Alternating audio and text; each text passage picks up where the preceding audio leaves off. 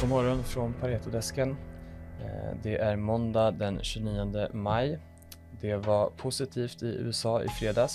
Både S&P och Dow och Nasdaq eh, stängde positivt med tech som draglok upp 2,84 procent. SBB meddelar också nu på morgonen att man utökar sin översyn av strategiska alternativ för att maximera aktieägarvärdet. Och med det då menar styrelsen att det finns mycket mer värde i bolaget än vad som prisas in i aktiemarknaden just nu och är därför öppna för att sälja bolaget eller delar av det. Eh, man är också väldigt tydlig samtidigt med att man inte har för avsikt att genomföra en nyemission. Eh, vi ser det här som positivt och tror att det kan skapa eh, lite positivt momentum för aktierna på sikt. Där man visar att man inte är beredd att sälja av bolaget på nuvarande nivåer helt enkelt. Vi skickar också ut en uppdatering på Embracer här nu på morgonen. Eh, så vi ska höra lite mer från analytiker Vincent Edholm. Yes, precis. Eh, så vi skickar ut en, eh, en uppdatering på, på, på Embracer här på morgonen där vi återupprepar vår, vår köprekommendation då, men att vi sänker vårt, vårt target price då från, från tidigare 68 till, till nuvarande 40 då.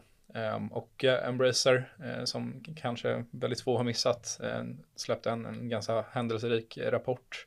Ehm, men sett till det positiva i alla fall så, så, ehm, så stor försäljning för 30% högre egentligen topline-tillväxten än, än, än vad vi hade, hade väntat oss och 11% bättre än konsensus. Där det enda segmentet egentligen som presterade sämre än vi hade väntat oss var, var mobilspel. och där är det värt också att tillägga att man, man mötte svåra komps Eh, på grund av en, en one-off eh, som, som skedde under före, föregående år. Eh, men trots det då, lite, eller något sämre än, än vad vi hade väntat oss. Sen har vi justerade ebit-missen då eh, och eh, den stora egentligen eh, anledningarna till det är för att man skjuter fram spelsläpp som var tänkta att släppas under, under det här året som man skjuter fram nu till, till nästa år. Sen har man ju sett svagare ROI för, för PC och konsol överlag. Så det har varit en, en soft gaming-marknad helt enkelt där vissa genrer, genrer av spel påverkas eh, mer än andra. Och sen så är det en allmän kost, eh, kostnadsinflation.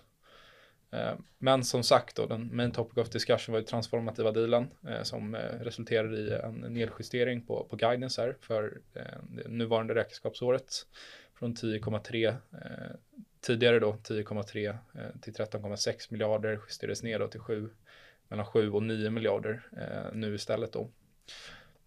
Och Eh, det här transformativa avtalet innebar ju över 2 miljarder dollar i utvecklingsintäkter eh, som skulle supportera den pipelinen som man har kavlat ut här eh, tidigare.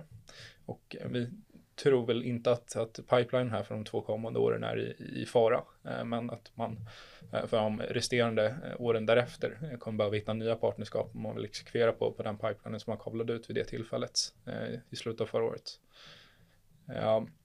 Sen kommunicerade bolaget också att man vill eh, eh, dra ner sin eh, nettoskuld till 10 miljarder. Vi tror inte att det här kommer vara möjligt utan att sälja tillgångar inom verksamheten. Och sen har vi också vår, vår nuvarande köprekommendation då som, som motsvarar 7,5 gånger och 6,5 gånger justerade ebit de två kommande åren och EB free cashflow på 17,1 och 16,5.